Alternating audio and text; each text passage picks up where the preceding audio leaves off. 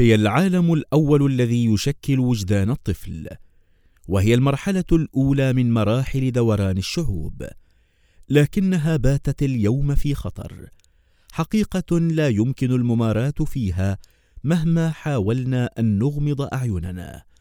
هناك وحش يدعى بالتفكك الأسري يلتهم التركة الحقيقية للشعوب فيبدد آمالها ويفتت عزائمها فتتثاقل خطواتها نحو التقدم والحضارة فتصبح مجتمعات ضعيفة وهنة. ما هو السبب الحقيقي وراء كل هذا؟ ومن سيدفع الثمن في النهاية؟ ما هي الحلول الأنسب لضمان استقرارها؟ وماذا عن البرامج التي قامت بها المؤسسات المختلفة للحفاظ على الترابط الأسري؟ أهلا بكم أنا محمود عبد الرحمن أصحبكم في ملفات على أزهر بودكاست.